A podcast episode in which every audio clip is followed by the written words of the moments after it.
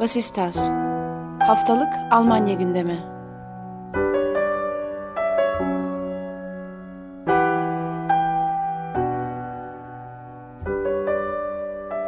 Herkese merhaba. Vasistas'ın 17. bölümüne hoş geldiniz. Ben Akın Art. Bu hafta sizler için Almanya gündemini anlatmaya çalışacağım. Bildiğiniz gibi bu programı büyük oranda 3 kişi yapmaya çalışıyoruz. Zaman zaman bazılarımızın yoğunluğundan dolayı 2 kişiye düşebiliyorduk. Bu hafta Ayşegül çalışmak zorunda olduğu için Ali de ülke dışında olduğu için, Almanya dışında olduğu için programı tek başıma yapacağım ve kısa bir şekilde gündemdeki başlıkları mümkün olduğu kadar elimden geldiğince aktarmaya çalışacağım. Bu haftalık haber bülteni de yapmıyoruz. Zaten iki tane aslında gündem söz konusu. Bu gündemler üzerinden devam edelim. Gündemlerden ilki bugün yani programı kaydettiğim 20 Mart tarihinde Covid önlemlerinin çoğunun yasal olarak kalkmasının zemininin hazırlandığı bir gün aslında bugün. Bugün itibariyle Almanya'daki Covid önlemlerinin çoğu kaldırılabiliyor. Fakat bunun için tanımlanmış bir geçiş süreci de var. 2 Nisan'a kadar sürecek ve pek çok eyalet bu geçiş sürecini kullanarak önlemlerin kaldırılmasını 2 Nisan'a erteledi. Bugün için bazı çevreler tarafından Freedom Day yakıştırması yapılıyor.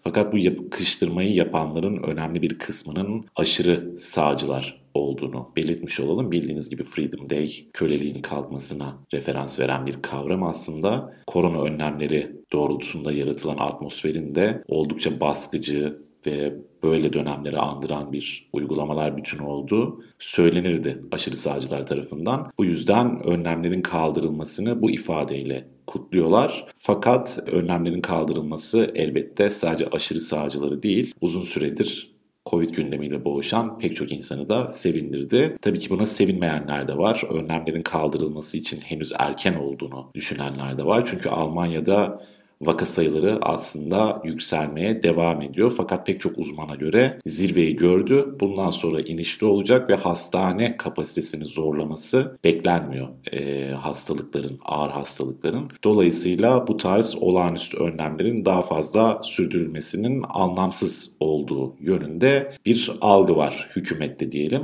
Hangi önlemlerin kalkmasından bahsediliyor? Kısaca bunlara değinelim. Toplu taşımada bundan sonra 3G zorunluluğu kaldırılacak. Bildiğiniz gibi toplu taşıma araçlarını kullanabilmek için test olmuş, hastalığı atlatmış ya da tam olarak aşılanmış olmanız gerekiyordu daha öncesinde. Bundan sonra bu uygulama devreye girdikten sonra bu önlem ortadan kalkmış olacak. Uçak ve şehirler arası trenlerde maske zorunluluğu kalkacak fakat şehir içi toplu taşıma araçlarında zorunlu olmaya devam edecek. Bu sadece uzun yollar için geçerli bir durum. Hastane, yaşlı bakım evi gibi riskli bölgelerde de sürecek maske zorunluluğu. Bunun dışında okul, mağaza gibi yerlerde de maske zorunluluğunun kaldırılması konuşuluyor. İş yerlerinde 3G zorunluluğu vardı. Bu kalkacak.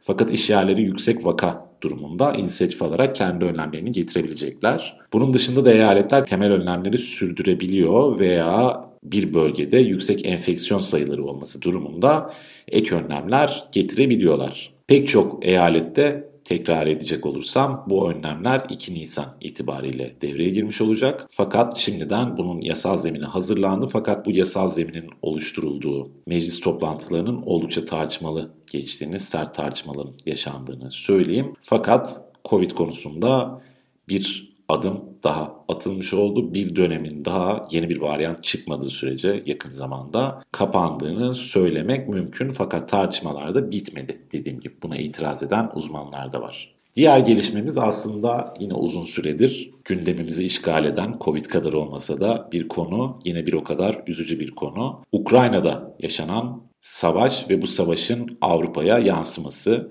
Almanya'ya bu tartışma büyük oranda enerji üzerinden yansıdı. Bildiğiniz gibi Almanya bir dizi önlemle Rusya'yı karşısında caydırıcı olmak için bir dizi önlemle hareket etmişti daha öncesinde. Fakat bu önlemler Kuzey Akım 2'nin lisansının askıya alınması dışında enerji yaptırımlarını içermiyordu şimdiye kadar. Fakat bu bildiğiniz gibi hala bir tartışma konusu. Özellikle Amerika tarafından ciddi bir baskı var Almanya'yı bu yönde hareket etmesi doğrultusunda. İç kamuoyunda da zaten bu yönde bir baskının olduğunu söylemek, gözlemlemek mümkün. Bunun bir parçası olarak Almanya enerji portföyünü çeşitlendirmeye çalışıyor. Bildiğiniz gibi %55'i Almanya'daki doğalgazın şimdiye kadar Rusya'dan geliyordu.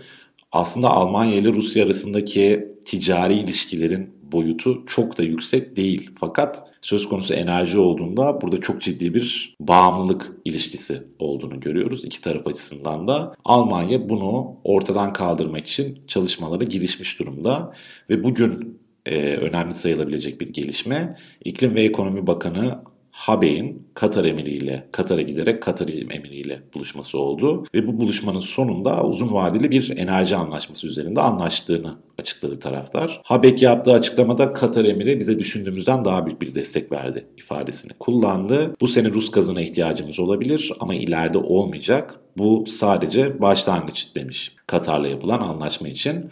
Katar dünyadaki 3 büyük sıvılaştırılmış doğalgaz üreticisinden yani LNG, LNG üreticisinden bir tanesi.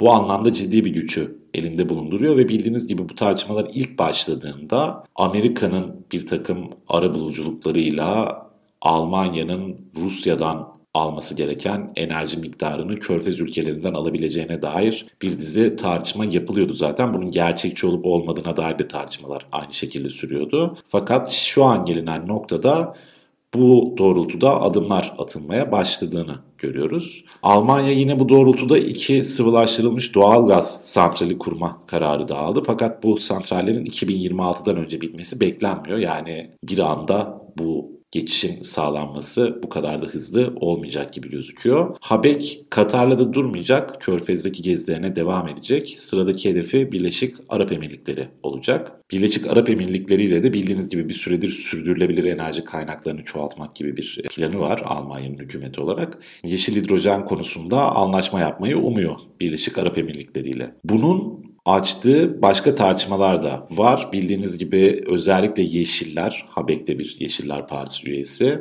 anlaşma yaptıkları ülkelerdeki demokratik koşulları sık sık söz konusu eden bir siyasi gelenekten geliyorlar. Körfez ülkeleri de bu konuda dünyanın en iyi örnekleri sayılmaz tahmin edebileceğiniz gibi. Katar daha önce Dünya Kupası hazırlıkları sebebiyle oluşturulan çalışma koşullarından dolayı ciddi bir eleştiriye maruz kalmıştı. Çalışma koşullarının kötülüğünden dolayı. Habek bu koşulların yani enerji konusunda atılacak adımlarda inşaat faaliyetleri sırasında yaratılacak çalışma koşullarının kendileri açısından öncelikli olduğunu söyledi, belirtti. Bunu da Katar tarafına bu şekilde deklare etmiş oldu. Bunun dışında Birleşik Arap Emirlikleri de bildiğiniz gibi oldukça demokratik bir ülke diyemeyiz. Ve bu yeşiller açısından aslında totaliter bir ülkeden onların deyimiyle Rusya'dan uzaklaşırken bir başka antidemokratik ülkeyle anlaşma yapmak anlamına gelebilir. Bu şekilde okunabilir. Fakat Habek bu konuda biraz seçeneksiz olduklarını adeta söyleyerek yani bunu söylemese de söylediklerinden o çıkıyor. Şöyle bir ifadede bulundu.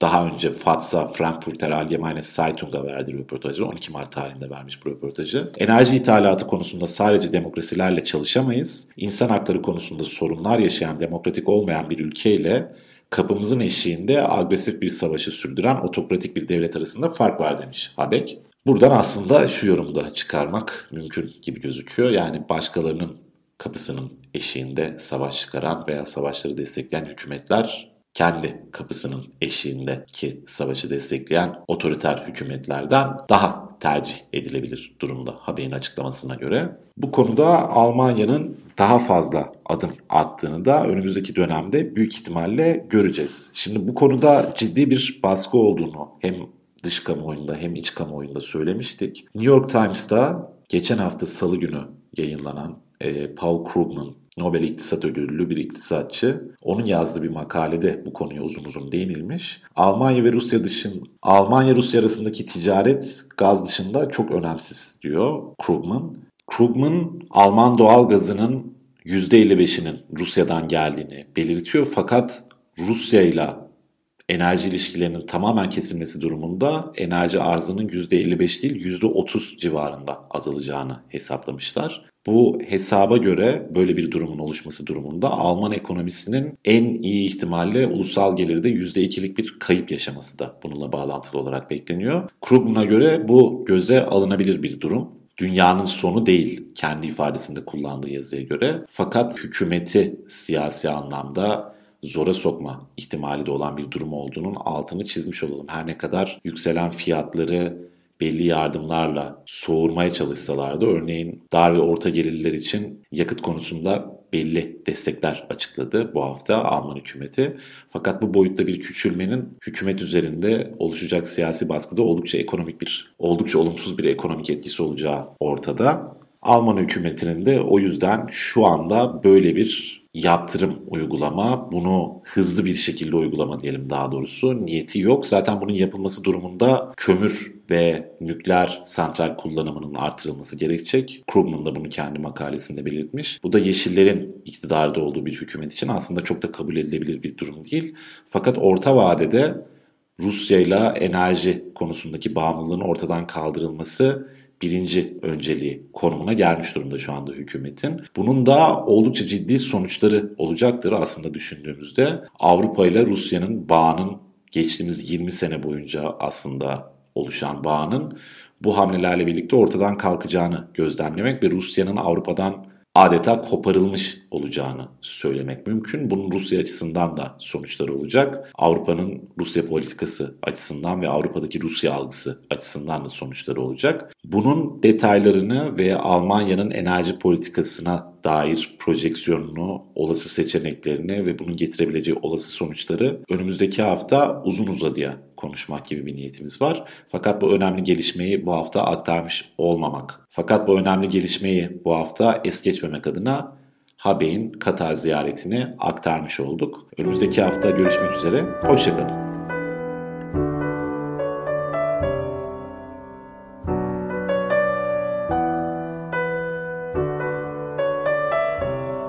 Vasistas Haftalık Almanya gündemi